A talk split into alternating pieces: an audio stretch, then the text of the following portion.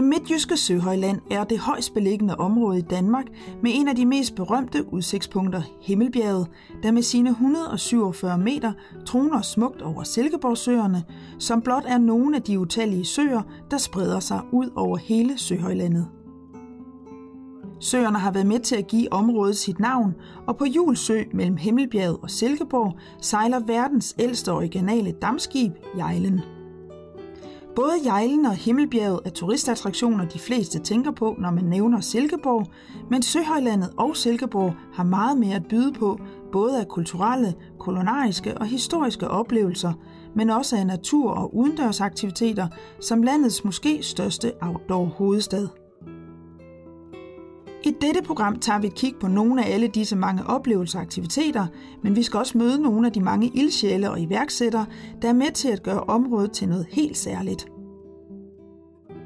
Udgangspunktet for dette program er feriecentret Landdel Søhøjlandet, der ligger smukt mellem skovene og åløbene i Gjernbakker.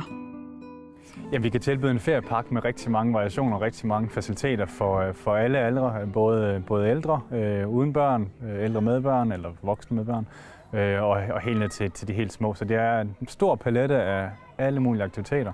En center, hvor, øh, hvor der er nogle lejland, der er noget svømmepool og, og de ting, der hører med til. Men det er primært omgivelsen udenomkring, der, der gør den her park unik. Øh, så udover at man har nogle boliger, vi har mange forskellige boliger her fra, fra 2 til, til 18 personer, så er det et, et område, der, der er helt fantastisk øh, og kan, ja, imødekomme alle ønsker stort set. Der er de her gårde, der er syv gårde, øh, hvor, øh, hvor vores øh, to, t- øh, altså kan vi tage hele typen, altså to til, til fire til seks personers boliger, de ligger. Øh, og de ligger egentlig godt spredt sammen. Øh, så har vi nogle, nogle helt nye boliger, vi har klostret, øh, hvor vi har bygget nogle af dem sammen, så vi har også nogle 12 personers boliger. Det gør jo, at man som familie eller vennepar, eller hvad man nu rejser som, kan have den her mulighed for at være sammen, øh, men også stadigvæk have enkelte boliger. Øhm, og det er, ja, det er ret unikt her, det er ret unikt, fordi at, at det ligger i de her gårde, hvor man virkelig kan, ja, altså man er tæt sammen, men man har også, øh, også sin privatsfære, øh, hvis, hvis det er det, man vil. Feriecentret består selvfølgelig af en række ferieboliger, hvor du kan overnatte, men derudover er der også den store hovedbygning, hvor der er en lang række faciliteter som badeland, sportshal, cykeludlejning og kreative værksteder, samt en shop, hvor du kan indkøbe de vigtigste fornødenheder. Og så er jeg også en restaurant, der for så vidt muligt arbejder med lokalt indkøbte fødevarer. Det er faktisk en af vores øh, øh, strategiske søjler, har vi. At det her med, at vi skal være lokalt forankret, vi skal, vi skal være bæredygtige, og vi skal prøve, så vidt det er muligt, at finde nogle lokale produkter og, øh, og lokale leverandører.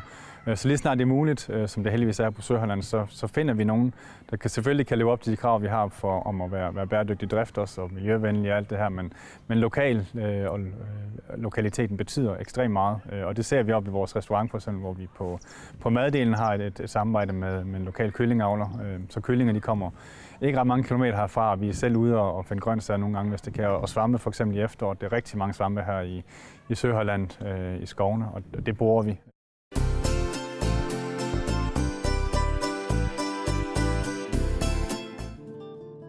Silkeborg blev anlagt som by i 1844, da entreprenøren Michael Drevsen anlagde en papirfabrik i det store skovområde.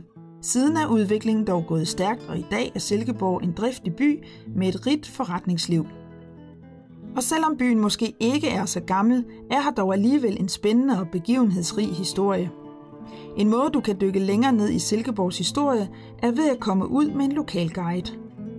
Vi er 15 af slagsen frivillige i det, der hedder Silkeborg-guiderne. Og vi møder så op og laver en guided tur, og det er efter kundens ønske. Det kan være en vandretur rundt i byen. Det kan være en tur, der handler specielt om papirfabrikken. Det kan være en bustur rundt i Søhøjlandet, eller en sejltur på søerne, eventuelt ud til Himmelbjerget. Altså Silkeborg er først og fremmest en Jyllands turistby nummer et i Søhøjlandet. Altså, det er jo ikke nogen ny begivenhed. Faktisk var det det første sted i Europa, hvor man kunne lege en kano. Og det kan man jo stadigvæk. Man kan lege kano og sejle på Guden åren. Øh, og man, der er så mange muligheder for forskellige oplevelser, samtidig med, at det er en utrolig smuk by, både hvis man går langs søerne og i skovene, og også på vores rigtig dejlige gågader med det blomstrende handelsliv. Det bedste ved at være guide, det er, når vi fortæller om Silkeborg. Vi begynder i 1844, da papirfabrikken kom til byen, og byens udvikling har været så komprimeret og så intens, og mange ting er lavet om og har udviklet sig. Men det er så dejligt at fortælle sådan en historie, som startede på min oldefars tid. Ældre er Silkeborg ikke.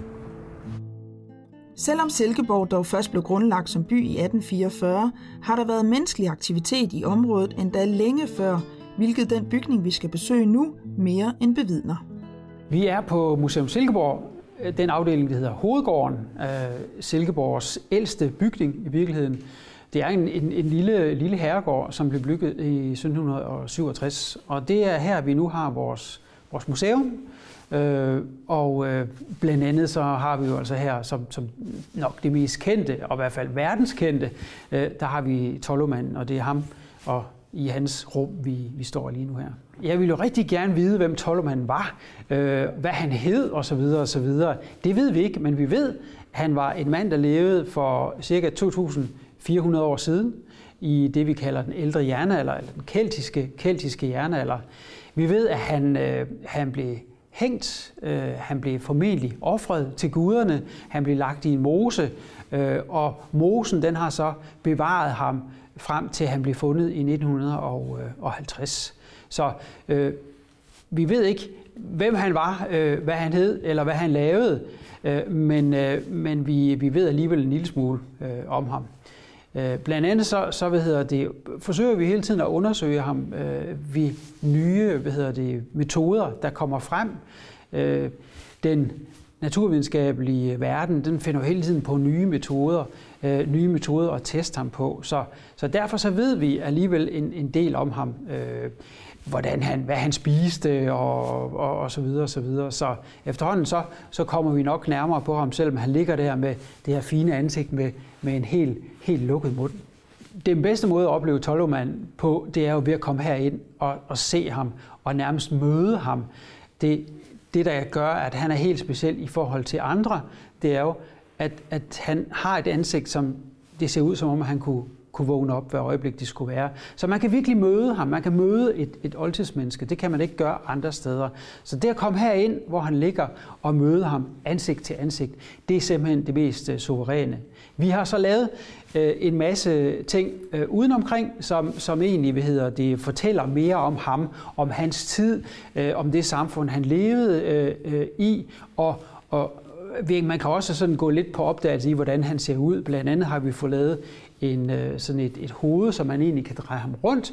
Øh, øh, ikke selv, men, men, men, men digitalt, og vi har for nylig også fået lavet en rekonstruktion af hans ansigt, så man kan se, hvordan han formentlig har set ud, dengang han levede.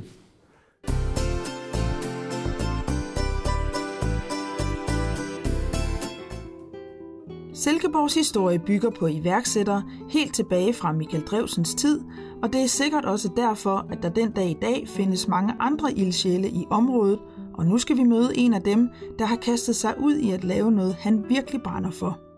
Vi er på Virklund Bryghus, et lille bryghus, jeg ejer og har startet i øh, 2005. Og Virklund det ligger 5 km syd for Silkeborg, lige øh, halvvejs ud til Himmelbjerget og midt i noget dejligt natur. Jamen, vi brygger øl, og vi brygger det bedste øl, vi kan. Det går ud på at få godt øl. Vi vil rigtig gerne øh, øh, lave noget ordentligt øl, så folk de kan få øh, en oplevelse.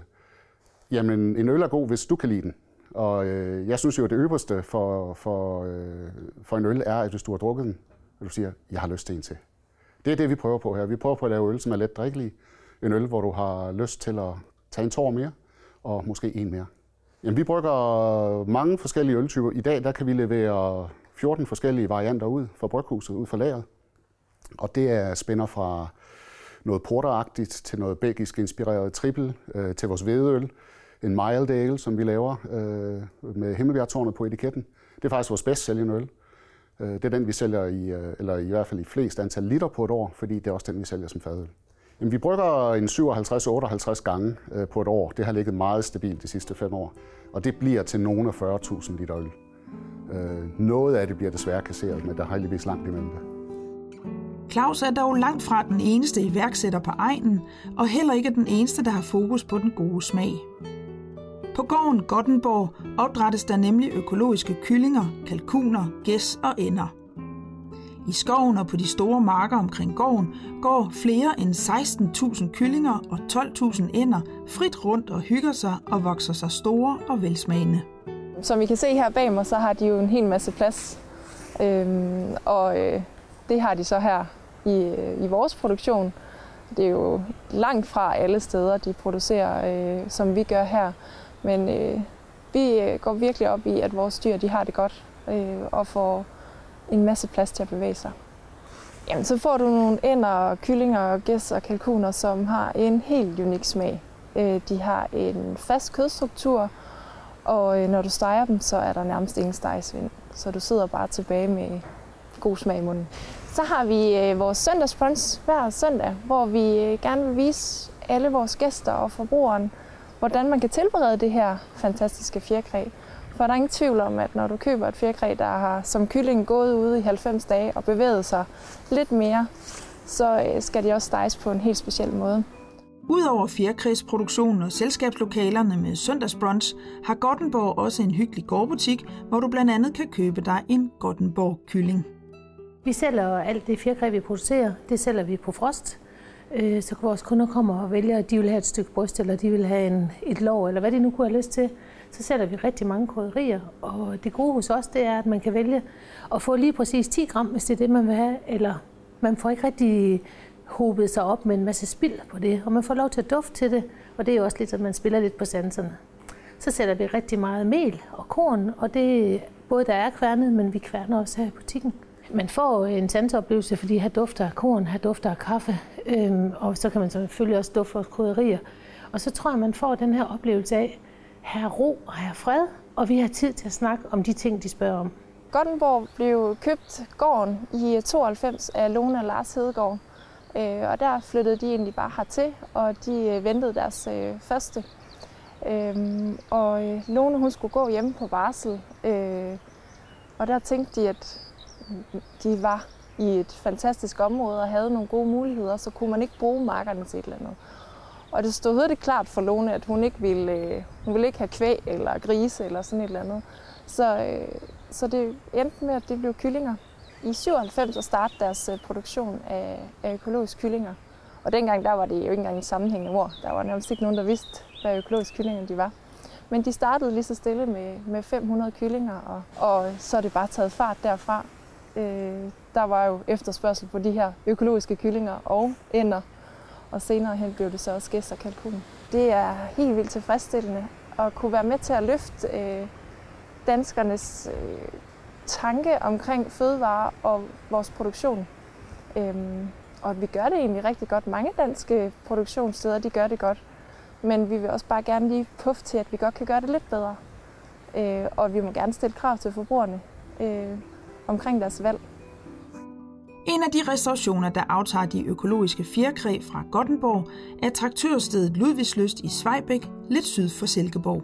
Det er et øh, spisested, hvor vi blandt andet har alle gæster, både frokost og aften og om eftermiddagen, og vi har masser af selskaber, og vi laver forskellige øh, sådan, øh, tiltag med musik og koncerter. Vi er ret øh, økologisk og biodynamisk orienteret og har, har været det fra starten af. Ikke at det er sådan 100 procent desværre, det kunne ellers være dejligt nok, men, men så vidt som muligt. Hele sådan grund, grundkøkkenet er det også øh, ja, langt de fleste af vores råvarer. Så er lige noget med nogle uger der en gang imellem, og der kan også være noget med kød en gang imellem, øh, men ja, generelt, så det i hvert fald helt sikkert det, vi, vi helst vil arbejde med.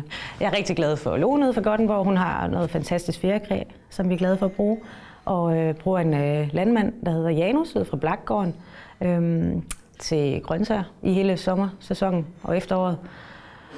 Og øh, så ja, der er der en dammebrug også, så der er sådan lidt forskelligt. Øhm, så vi prøver at få, hvad vi kan. Plus at, jeg synes også, det er sådan små ting, men har også nogle rigtig søde naboer, der kommer med, med blomster og urter og sådan noget til os, og så prøver jeg også selv at gøre lidt øhm, i det.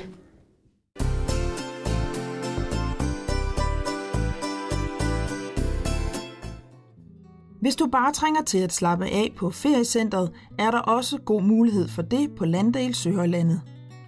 Og har for eksempel børnene og børnebørnene brug for at brænde lidt krudt af og blive aktiveret, er der rig mulighed på feriecentret. Her er selvfølgelig veludstyrede legepladser, men her er også et stort aktivitetsprogram, du kan deltage i. og så kommer Landdales maskot Bollo ofte rundt på hele centret og deler ud af store kram til hvem der måtte trænge til det. Det kan både være på legepladserne, men også i restauranten. Vi har jo øh, rigtig mange forskellige aktiviteter. Lige nu er vi i kreativ værksted, hvor vi blandt andet bruger naturmaterialer rigtig meget. Især dem, vi har været ude og finde ude i naturen her omkring.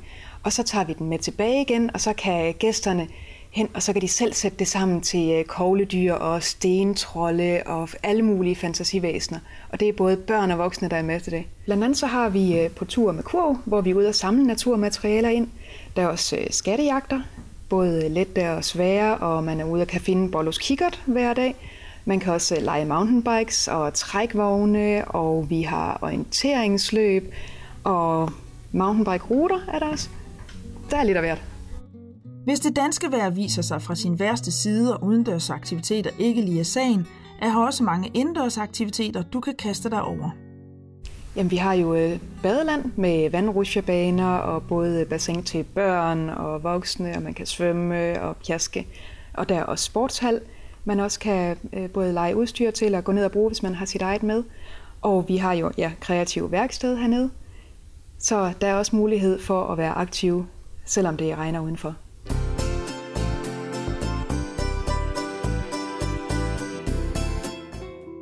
Silkeborg har gennem tiden været trækplaster for mange kunstnere. Heriblandt Asger Jorn, men også mange mindre kendte kunstnere har lavet sig inspirere af både byen og de skønne omgivelser. Ikke mindst Sanne Munk, der har skabt sit eget lille atelier, hvorfra hun sælger sine malerier og skulpturer, men samtidig også skaber nye værker. Men hvad er det, der gør, at så mange kunstnere vælger at slå sig ned lige præcis her i Silkeborg? Jeg tror, måske kan det være noget med naturen, der gør, at man bliver sådan man får lyst til at, at være kreativ. Altså man, man, hvis man går ud i naturen, og, jamen, du, øh, det er en form for meditation. Ikke? Altså, du, bliver, du bliver bare glad, og så ser du farverne, altså skoven, når den skifter, altså fra lysegrøn om foråret til efterårsfarverne. Ikke? Og jeg tror egentlig, at og så er det selvfølgelig, jo flere, der starter med at male og være kreative, de, jo, jo mere kommer der, fordi det smitter. Altså, vi smitter jo hinanden. Begejstringen, den, den, den smitter man jo videre, ikke? Altså, så, så derfor tror jeg, der er mange, og der er rigtig mange kunstnere i byen. Og vi mangler nok måske et lille sted, hvor, hvor alle kunstnere kan udstille. Altså kunst er jo en, en mærkelig størrelse. Der er nogen, der, der siger, at det er kunst, og det er ikke kunst. Men for mig, der er det noget, jeg kan mærke. Altså noget, jeg bliver rigtig glad. Altså noget, noget, sådan, man siger, det går lige ind i hjertekuglen, ikke? Og det kan godt være, at det er noget, jeg synes, men hvis du ser det, så tænker du, ah, hvad ser hun i det? Men, men det, er, det, det skal mærkes. Altså, jeg startede med, med maleri, og lige pludselig så er det jo alle mulige ting. Jeg synes, alle skal have mulighed for at, at, at kan købe kunst. Og kan de lide min streg, jamen, så kan de finde noget for billige penge til ja, store malerier. Ikke også? Der kommer rigtig mange bare og får en sludder. Også mange, som maler selv, og, og som egentlig, ej, har du startet, og er det ikke svært, og sådan noget, og kan man det? Og, og selvfølgelig bliver man ikke rig, men man bliver fandens lykkelig, hvis man laver det, man har lyst til. Så, så det er det, jeg gør. Galeri Munk er dog ikke det eneste sted i Silkeborg, du kan komme til at opleve spændende og udfordrende kunst. I de gamle bygninger og parken omkring det tidligere kursted Silkeborg Bad, der ligger ned til Ørnsø og Arnakkekilden, har man nemlig indrettet kunstcentret Silkeborg Bad, der byder på mange former for kunst, ikke mindst den spændende skulpturpark. Her kan man opleve en øh, stemning af fred og ro. Man kan opleve nogle ting fra gamle dage, fordi det var sådan, at øh, da det her sted det blev anlagt, der blev det anlagt som et kursted for gæster, som trængte til at komme lidt ud af de store byer og finde lidt ro og fred. Og allerede dengang lavede man en dejlig park. Det er der en udstilling om, og bygningerne står også og i sig selv fortæller om øh, dengang. Og så er det stedet i dag blevet til et moderne kunstcenter, og derfor så er der udviklet en skulpturpark i området. Der er omkring 40 skulpturer, og der er både kulørte ting og ting i granit og ting, der er lavet af genbrugstræ, der er drevet op ved havet osv. Noget af danske kunstnere, noget af udenlandske kunstnere. Så det er sådan en meget bred præsentation af, hvad skulptur det er for et, et, øh, kunstsprog i dag. Og så er der udstillinger indendørs i kunstcenters bygninger. Vi har to af bygningerne herude. Og øh, der kan man øh, i løbet af året møde et skiftende program af udstillinger med kunst fra ind- og udland.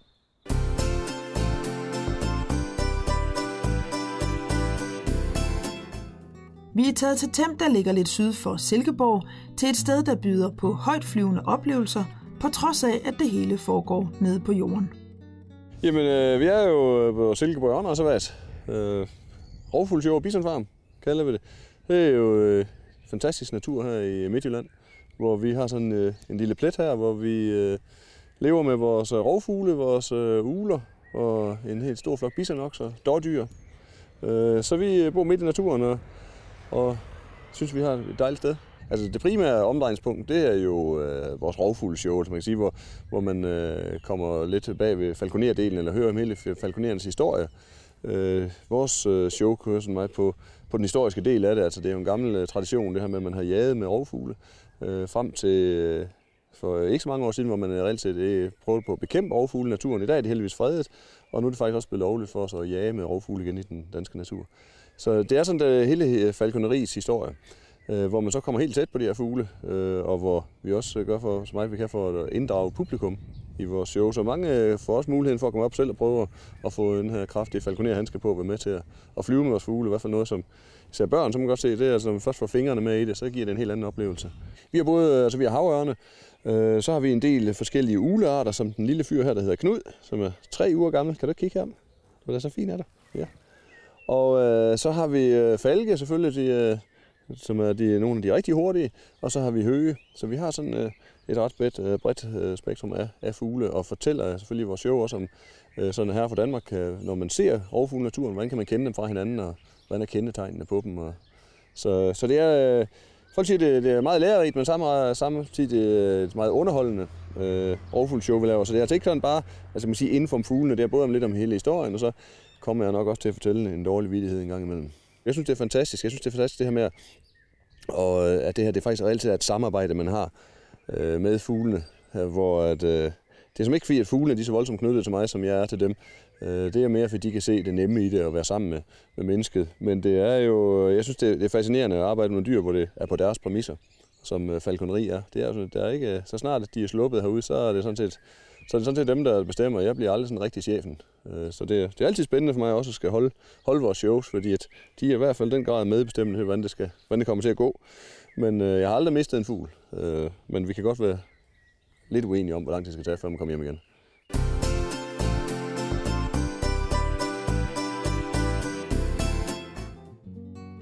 Der er selvfølgelig mange måder at holde ferie på i og omkring Silkeborg, men det at vælge et feriecenter har mange fordele. Øh, man er ved at komme lidt væk fra den her gamle øh, tanke, der var omkring, at ferieparker og feriecenter, det er noget med, med vandland, og det er noget med pomfritter og øl og sodavand ned i badelandet, øh, og så er man der hele weekenden. Øh, men med det her med, at det er et sted for fint samles, så, så er det udgangspunkt til, til ferien. Øh, feriecenter er mere den her backup, man har for at få noget varmt vand og få noget aktivitet, børnene kan lide. Øh, og hvis børnene bliver underholdt i, øh, i vandland, så er de også mere tilbøjelige til at sige, okay, så går vi også lige en tur i, i naturen om eftermiddagen, eller når nu vi kan se, at vi skal, vi skal hjem og, og svømme. Ikke? Så, så, så er umiddelbart rigtig godt, øh, og det er klart, at, øh, at det er også et, et brand, som vi kan se, eller et, et produkt, vi kan se fra udlandet, for, specielt fra Holland, hvor vores, øh, vores moderselskab kommer, at, at der er rigtig stor efterspørgsel efter. Øh, vi, vi skal bare sammen med vores øh, konkurrenter have, have løftet det her produktkendskab og, og fortælle, hvad er det egentlig, vi er for en størrelse i markedet, og hvad er forskellen for os til et, et, et almindeligt sommerhus og til et, øh, et, et hotel. Øh, så det arbejder vi meget på. Øhm, og så tror jeg, at fremtiden er lys. Generelt for dansk turisme, at det er jo, det, det er, der er noget vækst at hente her, øh, og folk de elsker holdferie. Jamen, vi har fem parker i alt Danmark, hvor det her det er, er den ene park. Øh, så vi ligger, vi ligger sådan forskellige spredt, altså meget fem unikke lokationer kalder vi det. Øh, så alle fem parker er helt unikke i sig selv øh, og tilbyder noget, noget unikt. Øh, både den destination ligger, men også i den park der. Øh, så hvis man har hvis man er meget til outdoor, jamen, så er det Sørholland. Hvis man er mere til de indendørs faciliteter med små børn, så er det Sivest. Og hvis man har større børn, der er aktivitetsjunkies, så er det, er det Rønbjerg. Hvis man vil ned på stranden og ligge over ved Jammerbugt, jamen, så har vi en park til det, øh, Grønhøj. Og så har vi Æbeltoft helt ude på, på spidsen af Djursland. Øh, hvor det er ja, altså også helt unik. Øh, og, og altså, tæt på alle de attraktioner, der er på Djursland, Molsbjerg, Djurs Sommerland og Repark osv. Det var alt, hvad vi nåede i dette program fra Skønne Silkeborg. Husk, at du kan læse meget mere om ferie i Søhøjlandet på den hjemmesideadresse, der står på skærmen lige nu. Herfra er der kun tilbage at sige, ha' det rigtig godt, til vi ses igen.